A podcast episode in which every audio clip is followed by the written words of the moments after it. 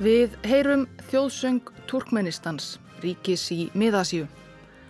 Turkmenistan er eitt af þessum svo kalluðu stanlöndum sem öll eru mörgum á vesturlöndum framandi.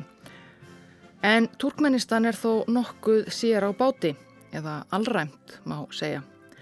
Turkmenistan hefur frá því kringum aldamótin síðustu verið þekkt fyrir að þar hafa verið við völd einstaklega sérvitrir einræðisherrar sem sett hafa svo undarleg lög og reglur að jafnvel valdamönnum í norður Kóreu myndi varla láta sér koma slíkt til hugar.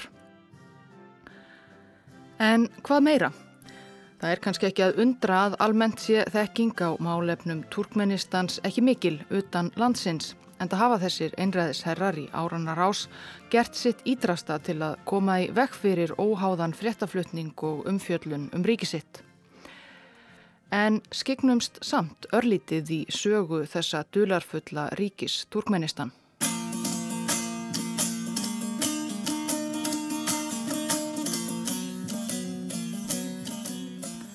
Landamæri þess sem nú er líðveldið Turkmenistan urðu í raun ekki til fyrir ná 20. stöld.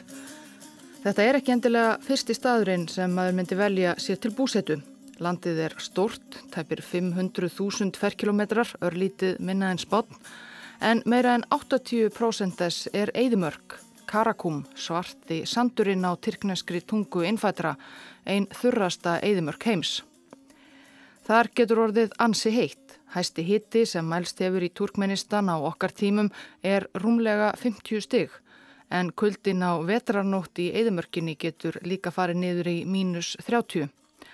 Í vestasta hluta landsins er örlítið lífænleira. Þar á Turkmenistan ströndað Kaspíahafi og þar er aðeins grætna á rakara. Þrátt verir að þetta séu kannski ekki kjör aðstæður hefur mannfólk lengi lagt það á sig að dveljast þarna í þúsundir ára. Saga landsvæðisins sem nú er Turkmenistan er laung og mikil. Þarna hafa farið um landvinningamenn Persa, Alexander Mikli, múslimar, tyrkneskir, hyrðingjar og stríðsmenn úr norð-austri, Gengis Khan, Tímur Haldi og svo mætti lengur telja. Þó að þetta væri meir og minna bara sandur nöyt svæðið góðsaf eða galt fyrir að silkileiðin viðfræga láð þar um og því var stöðugur ströymur kaupmanna og stríðsmanna. Á 19. öld var röðin komin að rúsnenska keisaradæminu sem þá var farið að mjaka sér sífælt lengra austur inn í miðasjú. Þá var eiginlega ekkert eiginlegt ríki í því sem síðar var kallað Turkmenistan, heldur höfðust við í söndunum ættbólkar hyrðingja sem töluðu suður tyrknest tungumál turkmensku, yfkuðu orðið Íslamstrú og hafðu komið mörgum öldum áður norðaustur frá Sýberíu og Mongólíu eða einhver staðar þaðan. Og þeir urðu þrátt fyrir öfluga mótspyrnu á endanum að lúta í lægra haldi fyrir rúsakeisara. Landsvæðið varð rúsnest þó óttarlegur útnári Rúslands reyndar. Og svo í byrjun 20. aldar varð Turkmenistan á samt fleiri ríkjum miðasju, Kazakstan og Tajikistan og Úsbekistan og Kyrkistan eitt af þeim 15 liðveldum sem saman mynduðu hinn nýju Sovjetríki.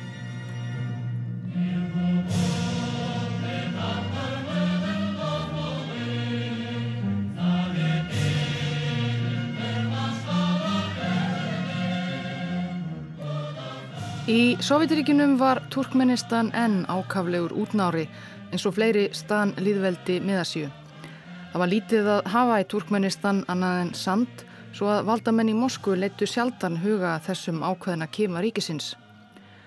Þar til á árunum eftir setni heimstyrjöld að undir söndum Turkmenistan uppgötvaðist nokkuð merkilegt, bæði ólíja og gífurlegt magnaf jarðgasi, einhver mesti jarðgasforði á nettinum. Ekki löngu eftir að byrjað var að dæla þessum verðmætum upp úr turkmennskum söndum varð Turkmenistan eins konar gaskista ef svo máð orði komast sovjaskra stjórnvalda. Þessi útnári sá hennu mikla ríki fyrir jarðgasi. En Moskva réð alltaf öllu og þar á meðal gasverði svo að turkmennar fengu jafnan bara í skiptum fyrir gasið sitt örf á auðra. En þeir skrimtu og sovjísk stjórnvöld stjórnuðu á sinn hátt, leifðu lítið andof, bönnuðu landsmönnum svo gott sem að yfka trú sína Íslam og svo framvegis. Fyrir utan gasið var lítið annað að gerast í liðveldinu.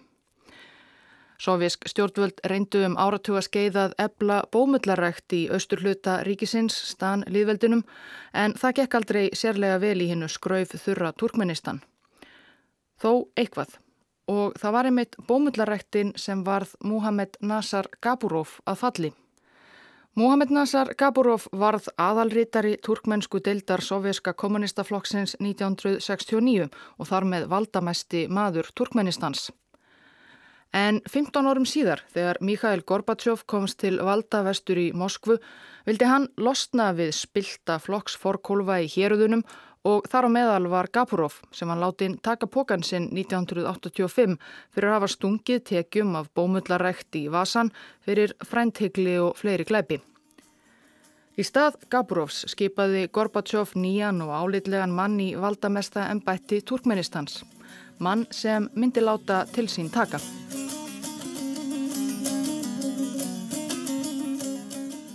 Æska Saparmúrats Níasovs var lituð af áföllum.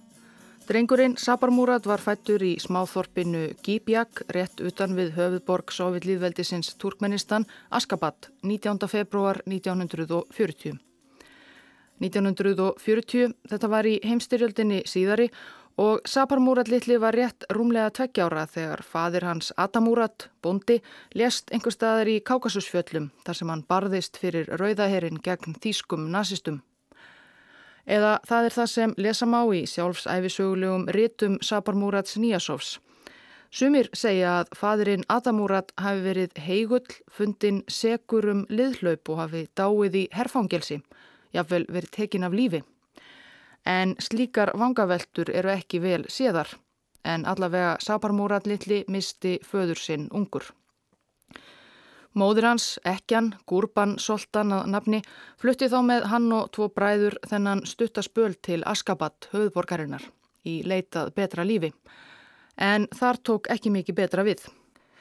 Rétt upp úr eitt eftir miðnætti 7. oktober 1948 skók jarðskjálti upp á 7,3 askabat og nágræni. Stór hluti bygginga í borginni sem voru meira á minna úr leirað hefbundnum hætti hrundi saman. Mikill fréttaflutningur af þessum harmleik var ekki vel séður í Sovjetiríkunum en áætlað er í dag að alltaf 110.000 manns hafi farist eða 10% íbúa Sovjetlýðveldisins Turkmenistan og þar á meðal Gurbansoltan, Ekjan, móðir Saparmúrats og bræður hans tveir. Saparmúrat litli stóð uppi sem munaðarleysingi átt ára. Piltur var þá fluttur á munaðarleysingihæli hins opimbera. Hver lengi hann dvaldi þar nákvæmlega og hvernig fór um hann, það er allt á huldu. Að lokum hafðu yfirvöld uppi á fjarskildum ættingja sem fjálst á að taka drengin að sér. Hann stóð sig vel í skóla. Einhverjir segja reyndar að hann hef ekki verið mikill tungumálamadur, ég vel aldrei orðið almennilega skrifandi, kvorki á turkmennsku nýja rúsnensku, en hann hlýtur að hafa verið bærilegur í raungreinum því eftir útskrift úr mentaskóla tókst Saparmúrat að tryggja sér eftirsótt skólapláss í tækniháskólanum í Leningrad. Hann útskrifaðist svo þaðan sem ramagsverkfræðingur árið 1967, 27 ára. Þá sneri Saparmúrat Níasov aftur á heimahagana og fór að vinna á sínu sérsviði á rafstöði höfuborginni. En ekki bara það. Því Níasov hafði líka gengið í turkmennsku deild sovjerska kommunistaflokksins og fór að láta til sín taka í flokkstarfinu. Og þessi efnilegi ungi verkfræðingur kleif fljótt metorðastegan innan flokksins. Hvers vegna? Það er ekki alveg ljóst, en eflaust hefur það ekki skemmt fyrir að Níasov okkar var af stærsta og valdamesta ættbálki turkmena, Tekke. Í meintu jafnaðar samfélagi Sovjetríkjana átti slíkt auðvitað ekki að skipta neinu máli. Fólk átti helst ekki að nefna hvaða ættbálkum það tilherði, gleima því, en raunin var auðvitað að aldagamalt ættbálka samfélagið lifiði undir niðri og það var fínt að vera af Tekke, ættbálknum sem hafði farið með völdin í Turkmenistan meira og minna síðustu aldir, sama hvað. Já, allavega Sapar Murat Níasov plumaði sig svona sérlega vel í Turkmenistan deild sovjerska kommunistaflokksins. Von Bráðar var hann farin að verja meiri tíma við flokkstörf en ramagsverkfræði. Hann var skipaður í miðnemd flokksins og 1985 var það hann, 45 ára, sem Gorbatsjóf valdi sem eftirmann bómullar þjófsins Gapurovs. Xaviyatın yol başçıları Adalet Ministerliğinin Milli Hopsuluk Ministerliğinin duşunu yaşayan. Munaðleysingin og ramagsverkfræðingurinn var þannig aðalritari flokksins í turkmennska sovjetinu. Hann tók við af hinnum spilta Gaburov og lofaði auðvitað öllu fögru. Ekki einungi skildi hann uppræta alla spillingu sem var nóg af í stjórnkerfi líðveldisins, heldur bæta efnahægin og hag turkmenna sem margir byggu við sára fátækt og mikið atvinnuleysi. Þegar tilkom reyndist Níasov erfitt að uppfylla þessi lofórð. Æðstu stjórnarherratnir 3000 km í burtu í Moskvu hafðu enn takmarkaðan áhuga á Turkmenistan og lífi Turkmena og örfáum árum eftir að Níasov tók við stjórnartömunum fóru ansi afdrjáðaríkir hlutir að gerast þar vestra.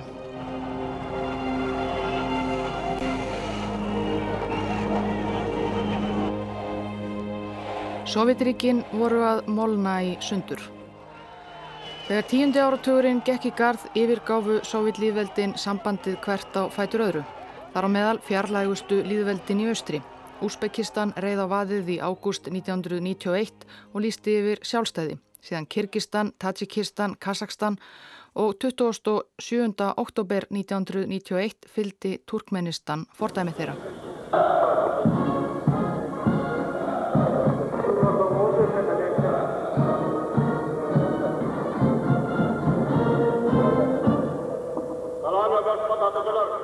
Líkt og í fleiri fyrrum sovjetlíðveldum var í aðdraganda sjálfstæðis yfirlýsingar Turkmenistans búin til staða valdamikils forsetta sem færi með framkvæmdavald. Og í kostningum daginn fyrir hið formlega sjálfstæði fengu Turkmennar að kjósa sér forsetta sem taka skildi við stjórnartömunum. Eða það var raunar bara einn valkostur í þeim kostningum einn í frambóði Sapar Murat Níasov sem fór þegar með stjórnina sem aðalritari flokksins og hafði gert frá 1985. Hann var nú kjörinn fórseti hins sjálfstæða Turkmenistans með 98,3% atkvæða.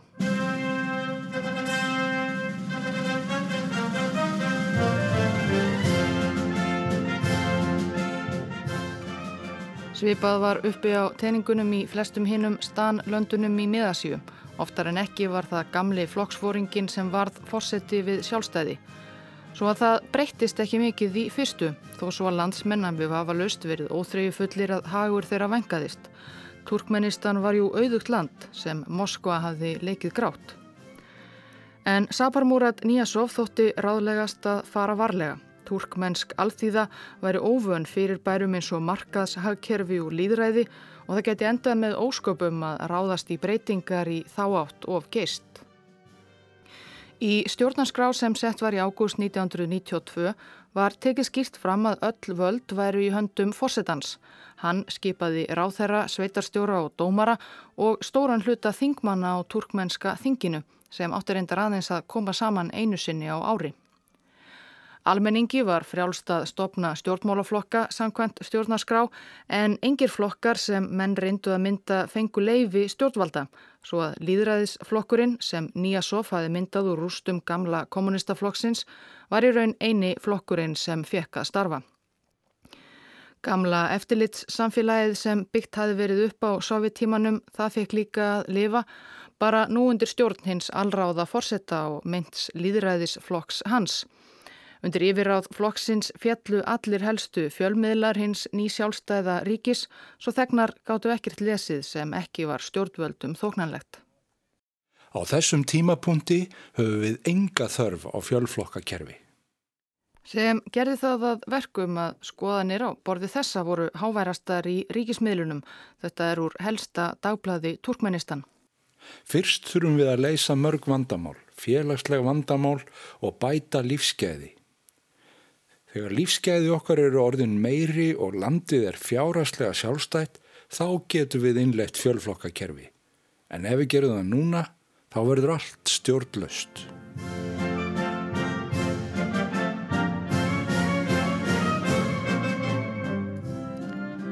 Svo já, Safarmúrat Níasov tók það á sig að halda fast í stjórnartaumana svo að ekki yrði stjórnleysi.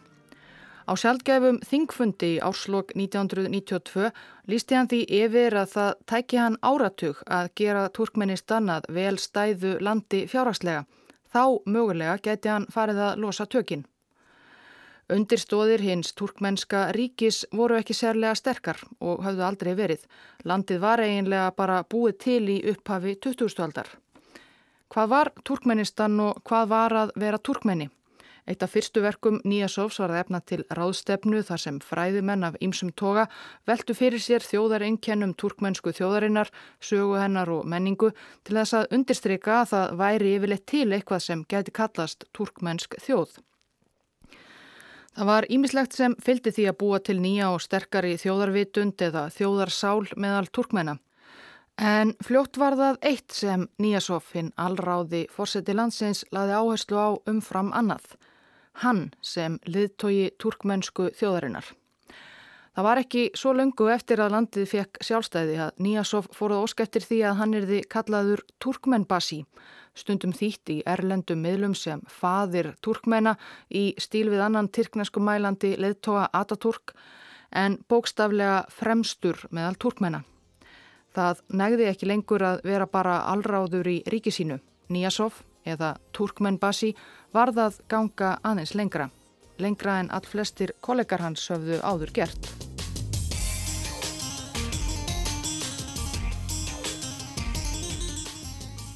Íbúar í fyrrum sovjetlýðveldinu Turkmenistan voru ekki ókunnir personudýrkun. Slíkt hafði jú sannlega týðkast með fyrri leðtoga hins fallna ríkis eins og Vladimir Lenin og Jósef Stalin. Ekki leið á löngu þar til Saparmurat Níasov, munaðar leysingin, var farin að færa sig í sömu átt og þessir föllnu leðtogar. Hann let kalla sig Turkmenbasi, let nefna götur í höfuborginni eftir sér, götu sem áður hafi heitið Lenin stræti, svo samirkjubú og loks heila borg. Engurir líka mér við Stalin. Stjórnarháttum mínum við einræði Stalins og personudýrkun. Níasov sjálfur var ekki yfir það hafinn að ræða þessi mál. Þetta sagðan á bladamannafundi eitt sinn. En Stalin skapaði personudýrkun sína með ofríki og kúun. Ég, hins vegar, ávan mér vinsaldir mínar, átaka laust. Já, það var ætið fullvisa Sabarmúrat Níasovs að hann væri að þessu öllu, ekki bara turkmennskri alþýðu til góðs, heldur beininis að ósk hennar. Hann gæti ekkert að þessu gert, það væri þjóðin sem hefði þessa tömlausu aðdáun á honum.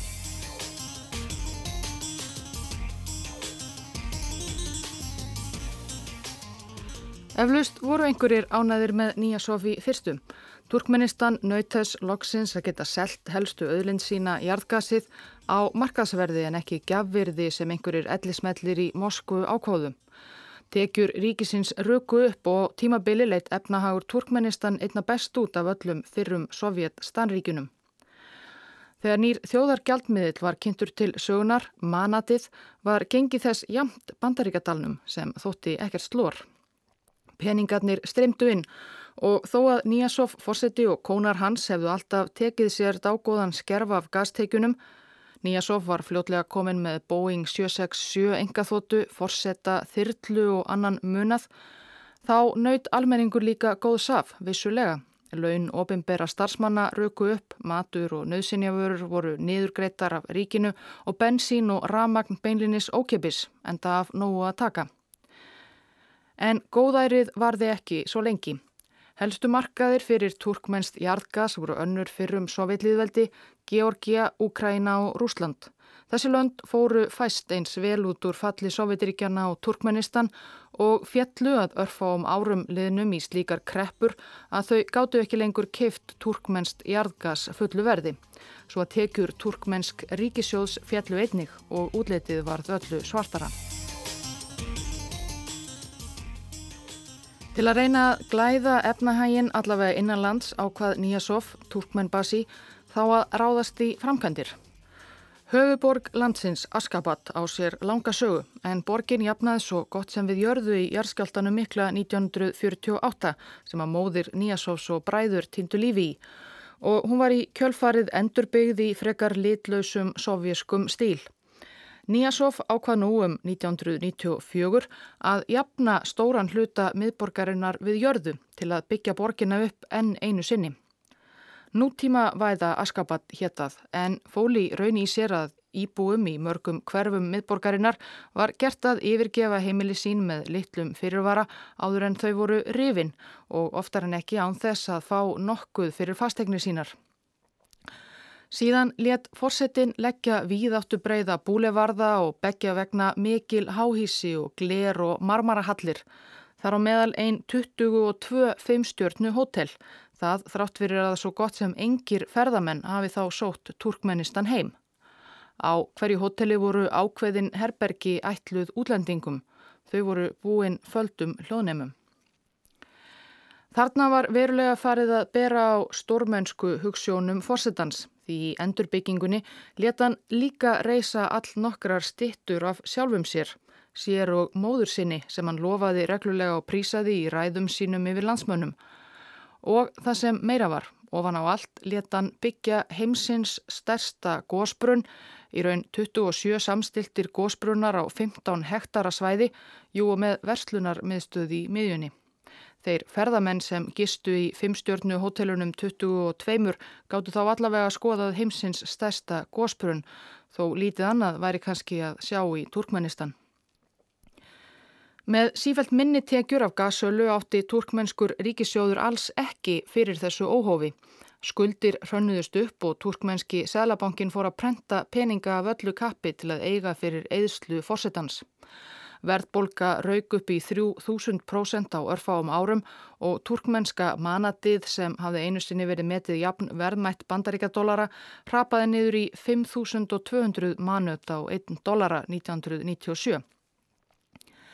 Árið 1997 fór líka Hallafundan fæti hjá Níasov persónlega.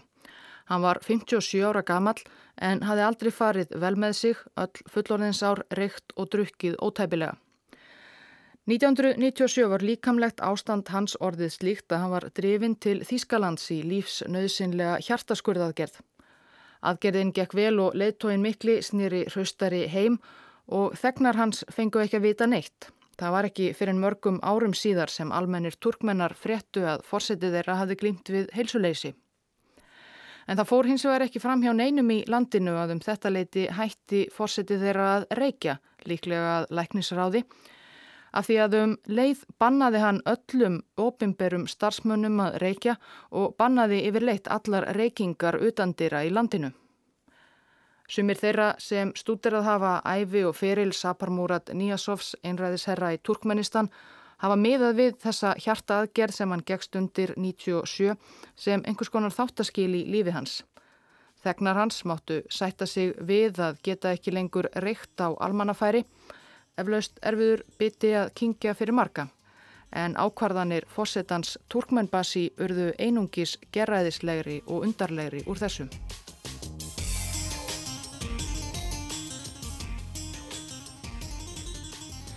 Aðeins að utaríkismálum. Sem sjálfstætti ríki þurfti Turkmenistan auðvitað að mynda sér utaríkistefnum.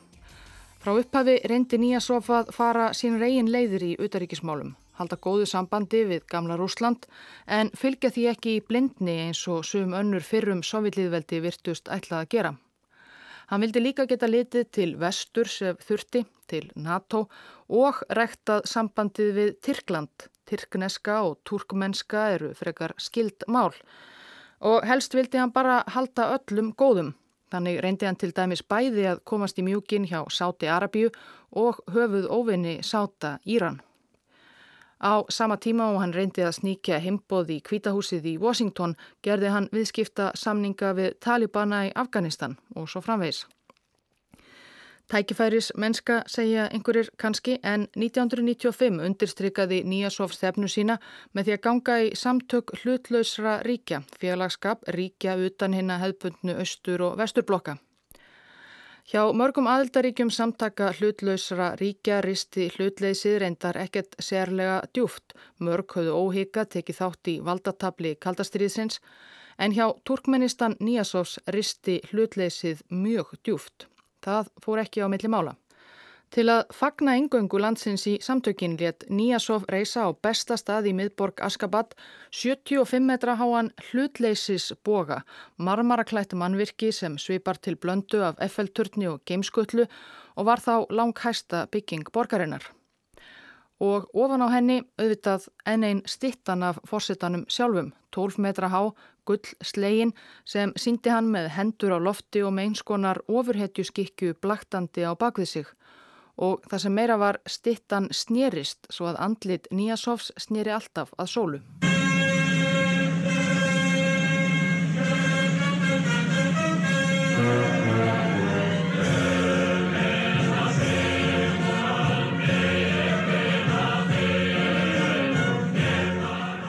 Nokkru síðar let Níasof líka breyta þjóðsöng landsins. Of lengi hafði landið burðast með gamlan þjóðsöng frá sovjetímanum. Nú um 1997 skrifaði hann sjálfur nýjan söng, þjóðsöng hins sjálfstæða og hlutlösa Turkmenistan. Eða mikla sköpunarverk Turkmen Basís, ættjörðin, þjóðríkið, eilífa ljós og söngur sálarinnar. Turkmenistan lengi lifi og dafni.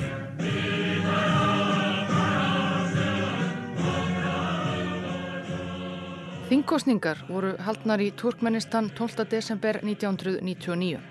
Öryggis og samvinnustofnun Evrópus á ekki ástæðu til að senda kostninga eftirlitsmenn til landsins fyrir kostningarnar. Svo vond orð fór þá af líðræðis málum ef líðræðiskildi kalla í Turkmenistan að það þótti gefið að kostningarnar færu ekki sómasamlega fram og því í raun ástæðu löst að senda eftirlitsmenn. En turkmennskur almenningur flyktist enguða síður á kjörstaði, allavega ef markam á stjórnvöld.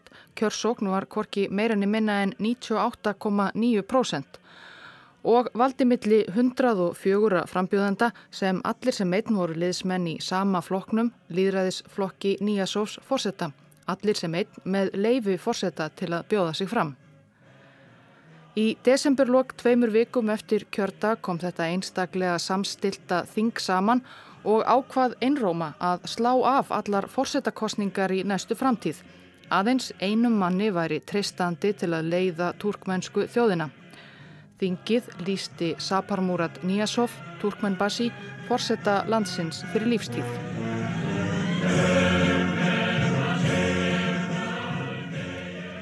Eitt fyrsta verk nýs alvalds til æviloka var á þingfundi í janúar árið 2000 að heita því að á 21. öld færu í hönd nýjir tímar í Turkmenistan, meðal annars með auknum réttindum almennings. Næstu görðir fósettans fylgdu þó ekki alveg þeirri forskrift. Fjölmiðla frelsi að þið alltaf verið af skortnum skamti í Turkmenistan, helstu fjölmiðlar allir í ríkis eigu og byrtu aðeins það sem Nýjasof þóknaðist, En nú ákvaðan að herða enn tökin og banna þegnum að komast á netið nema í gegnum eina ríkisrekna netþjónustu.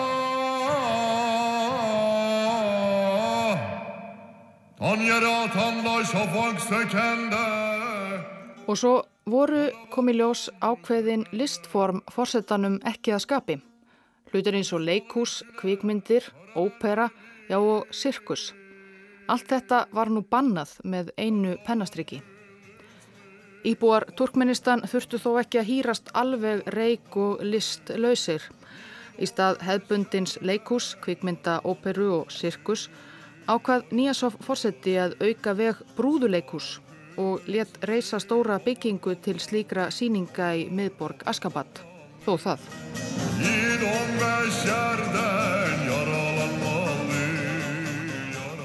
Bráðlega gáttu landsmenn líka stitt sér stundir ekki bara í brúðuleikursinu heldur við lestur á ótrúlegu nýju riti. Turkmenn Basi, fórsetta þeirra, reyndist nefnilega að vera ímislegt til listalagt annað en stjórnkenska og árið 2001 geistist hann út á ritvöllin, maðurinn sem sumir segja að hafi aldrei verið almennilega skrifandi. En hann gaf út bók sem á öllum tungum er ætið nefnd turkmennska tillinum Rúhnama en það gæti útlegst bók sálarinnar á íslensku. Róknama Turkmen halkanum jöðnum heim kalvanum tói Mín kæra turkmenska þjóð Þú ert tilgangur lífsminns og uppspretta styrksminns. Ég óska þér langs og helbriðs lífs. Turkmennskir forfiður okkar voru hugrakt fólk sem byrjaði að ala upp börn sín áður en þau komu í heiminn. Turkmennst barn komst til vits og hugrekkis og hafði þá þegar þjóðlega mentun og heimsmynd. Þess vegna eru heilsur hreisti, tilfinningalegt í jafnvægi, heilindi og mannasiðir sér einkenni turkmenna. Rúknama er margslungið ritt. Í þessari tæplega 400 síðna bók má finna sögu turkmennsku þjóðarinnar allt aftur til goðsagna kendra fornara stríðsmanna, svo saga kannski ekki öll samþygt af óháðum sagfræðingum, Ímsar ráðleggingar til turkmennskrar alþýðu sem heyramátti hér áðan. Einnig praktísk ráðum mataræði, reyfingu og fleira, trúarlegan boðskap, dæmisögur, nokkur ljóð eftir fórsetan sjálfan og svo margt ill skiljanlegt. Komið og heimsækið okkur. Komið og ferðist um land Ógús Kans, Seljúks og Alb Arslans landsmenn og félagar, þó þið séuð ekki ferðamenn, þá fariði um þetta land, þið snertið jarðvegin sem margur merkismadurinn, valdamenn og forfeður ykkar gengu á. Þetta land er ginnheilagt kraftaverka land. Rúnama er ferðalag til þessa lands. Rúnama er heimsókn til fortíðar og framtíðar landsins. Rúnama er heimsókn til hjarta Turkmenistans. Rúnama er sætur, andlegur ávöxtur þessa lands. Engin mannvera sem ekki hefur lifað það sem ég hef lifað getur skilið mig. Svo fléttast saman við þetta allt saga af uppvexti munaðarleysingja sem fær þau skilaboð að hans er sendur niður til jarðar af Guði til að leiða turkmennsku þjóðina. Svo vill til að munaðarleysingin í bókinni er alnafni höfundar, Sabarmúrat Níasov. Rúknama ætið eins með áberandi bleikt og grænt umslag skreitt gilt um fjórhöfða erðni og brjóstmynd höfundarins skipaði fljótt mikilvægan sess í turkmennsku þjóðlífi. Bókabúðum og bókasöpnum var gert að hafa bókina á ábærandi stað, sumuleiðis moskum sem átti að stilla bókinni upp við hlýð hinnar helgubókar Kóransins, nokkuð sem mörgum trúmönnum blöskraði. Rúnama var sett á námskrá allra skóla landsins, fljótt vekunur sessi kennslubókum, ekki bara í turkmennskri sögu og menningu, heldur einning í raungreinum og leikfimi. Landsmenn voru kvattir til þess að læra sem mest af bókinni utanað og maður þurfti að þreita prófi efni bókarinnar meira segja til þess að taka bílpróf. Rúknama er hrærigrautur æfiminninga, turkmennskrar þjóðtrúar, ómerkilegra sakfræði, næringaráleikinga, grops, ótrúlegra lovorða og ljóða turkmennbasís. Breski heimsortaflakkarinn og rittöfundurinn Pól Þeró heimsótti Turkmenistan á valdatíði Níasovs. Hann var ekki sérlega hrifin af Rúhnama. En þá hafði sá sannleikur bæst við um bókina að ef maður læsi hana þrísvarsinnum í röð væri manni tryggð vist í himnaríki. Hvernig vissi Turkmenbasi það? Jú, saði hann, hann hafði beðið guðum að græja það fyrir sig. Hann virtist líta á bókina sem bæði eins konar kóran og sjálfsjálfarbók fyrir turkmensku þjóðina. Þjóðirni sinnað kvartningaritt. Í raun er hún ekki mikið meir en svæfandi klóróform á prenti eins og Mark Twain kallaði mormánsbók. Ég las hann einu sinni. Turkmennbasi hefði þurft að lofa mér meiru en himnaríki til þess að ég læs hana tvísar í viðbót. It goes by the name Ruknama. A giant version ceremonially opens every night in Ashgabat. Til viðbótar við hennar miklu stittu og gósbruna flóru sem þegar var að finna í Askabat var byggt eitt minnismerkið enn á torki í borginni, risastór stitta í miðjum viðföðmum gósbrunni. Stitta sem síndi einfallega bókina miklu, bleika á græna með vangamind leðtóhans og alltaf klukkan áttað kvöldi þá opnaðist bókin hægt Gósbrunurinn var baðaður marglitum ljósum og úr bókinni streymdu upptökur af völdum vístómsköplum. En Guð hjálpi þeim sem að gerðust uppvísir að því að gaggrina eða hallmæla henni miklu bók á einhvern hátt. Það var nefnilega alltaf tekið sérstaklega hart á öllu andofi í Turkmenistan Níasovs, fjöldin allur af myndum andofsmönnum fangelsaður. Þó svo að Níasov sjálfur þrætti alltaf fyrir slikt, saði nei, það voru einfallega yngir andofsmenn í Turkmenistan því öll alþýða manna var svo ánað meðan. Hriðiverkamenn gerðu árás á týpuraturnana í New York 11. september 2001. Bandaríkin leituðu hemda og allt í einu var það orðið frekar óákjósanlegt að vera einráður harstjóri í fjarlægu múslimalandi. Níasov sá það strax. Hann hætti umsvöðalaust öllum business við viðskiptafélaga sína Talibana í Afganistan og bauð þessi stað bandaríkja herr velkominn. Fyrir innrás bandaríkjana í Afganistan ryttu bandaríkjamenn sig talsvert á herstöðvar sem þeir ristu í Turkmenistan og kaninn kerði sig að mestu kollóttanum lélegt orðspór turkmenskra stjórnvalda í líðræðis og mannrettindamálum.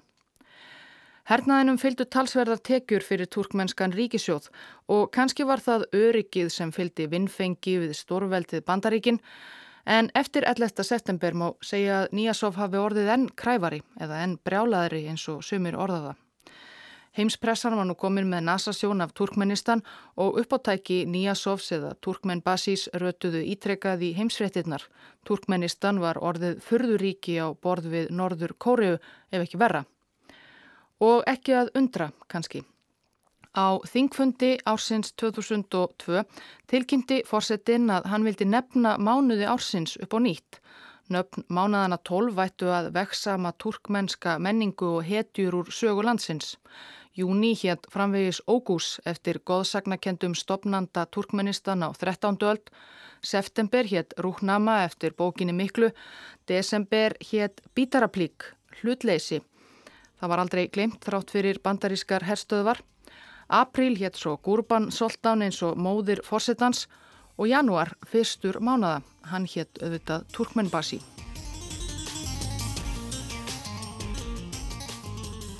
Fyrstan var að þessu á annað borð á hvað Turkmenbasi líka að finna nín öfn á vikudagana. Miðvíkudagur var til dæmis góður dagur, förstu dagur maðuradagur, laugardagur sálardagur því það var dagurinn sem menn áttu að lesa Rúknama, bók sálarinnar. Og eftir allt þetta verður þetta einlega bara upptalning næstu misseri og ár, furður á furður ofan. Engan fanga mátti lengur láta lausan úr turkmennsku fangelsi hafði hann ekki staðist prófi efni rúknama. Frettaþulir í sjónvarpi máttu ekki nota smink sem duldi jú raunverulegan húðlit þeirra sem var fórsetanum ekki að skapi. Allt var hlerað, ekki bara hótelherbergi útlendinga, líka veitingastæðir og kaffihús og aðrir ofinberi staðir. Karlar máttu ekki lengur vera síðherðir eða með skegg, ekki einu sinni högutopp. Gull fyllingar í tönnum voru bannaðar eftir að fórsetanum blöskraði gull í tangarði Nema sem hlíti á ávarpans í landbúnaðarháskólanum í Askabat. Hundar voru bannaðir í höfuborginni þar sem fórsetanum þótti þeir ítla lyktandi. Turkmennskir læknar sögðu skilið við Hippokratisar eigðin og svoru þessi stað eigði nafni hans, Saparmurat Níasovs verkfræðings. Höstið 2006 reyndi Níasov líka að ebla líðheilsu landans með því að skipa öllum ráþarum sínum að ganga 8 kilometra á heilsudegi sem hann fann upp laugardag eða sálardag einni í byrjun november. Þeir ráþarar sem ekki komist í marka á 120 mínútum voru reknir. Sjálfur tók Níasov ekki þátt, heldur fór með þyrlu í mark þar sem hann tók á móti fólki. Hann þó líklega helsu veilastur allara. Hann hefði kannski betur gengið því rúmum einum og halvu mánuði síðar, 21. desember 2006, lést Saparmurat Níasov sem hafði þá nýlega látið bæta við titlasafn sitt Spámaður Guðs á jörðu, Múhameð Kvað, í hjartastoppi. Salutes and solemn observances in the Central Asian Republic of Turkmenistan. The country's late president has been laid to rest after thousands filed past the open casket of Sapar Murat Niyazov. Eftir að heimspressan hafði um árabil skemmt sér yfir fáránlegum uppáttækjum Turkmenbasís Mátti nú skella upp úr yfir nafni aðstóðarforsetans sem tók við af leittóanum fallna. Kurban Guli Mía Kulievits Berdimakoptov sór í dag, sór í dag umbættir segið sem fórsetni mið Asíðilegöldi sinns Turkmenistans við hátilega aðtöfn. Gúrbangúli Mikulajevits Berdimu Hamidov var mentaður tannleiknir og í gegnum heilbreyðistefnumál leiðist svo úti í stjórnmál. Hann var hestamaður og hristimenni, allt annað en turkmennbassi. Og eins og Krúsjóf forðum hófst hann strax handa við að vinda ofan af allra ruggluðustu ákverðunum forvera síns. Hlutleysis bógin mikli með gullstittunni var fluttur í útkverfi þar sem minna færi fyrir honum. Einhverjar stittur aðrar af fyrir leittóa voru teknar niður. Nýjir tímar í Turkmenistan hugsuðu einhverjir, svona um hríð. Svo fór Gúrbangúli Berdi Muhammedov að taka upp á ímsu kunnulegu, eins og að láta reysa í miðborg Askabat stærðarinnar stittu af sjálfum sér á baki stæðilegs gæðings, gullsleikna stittu auðvitað.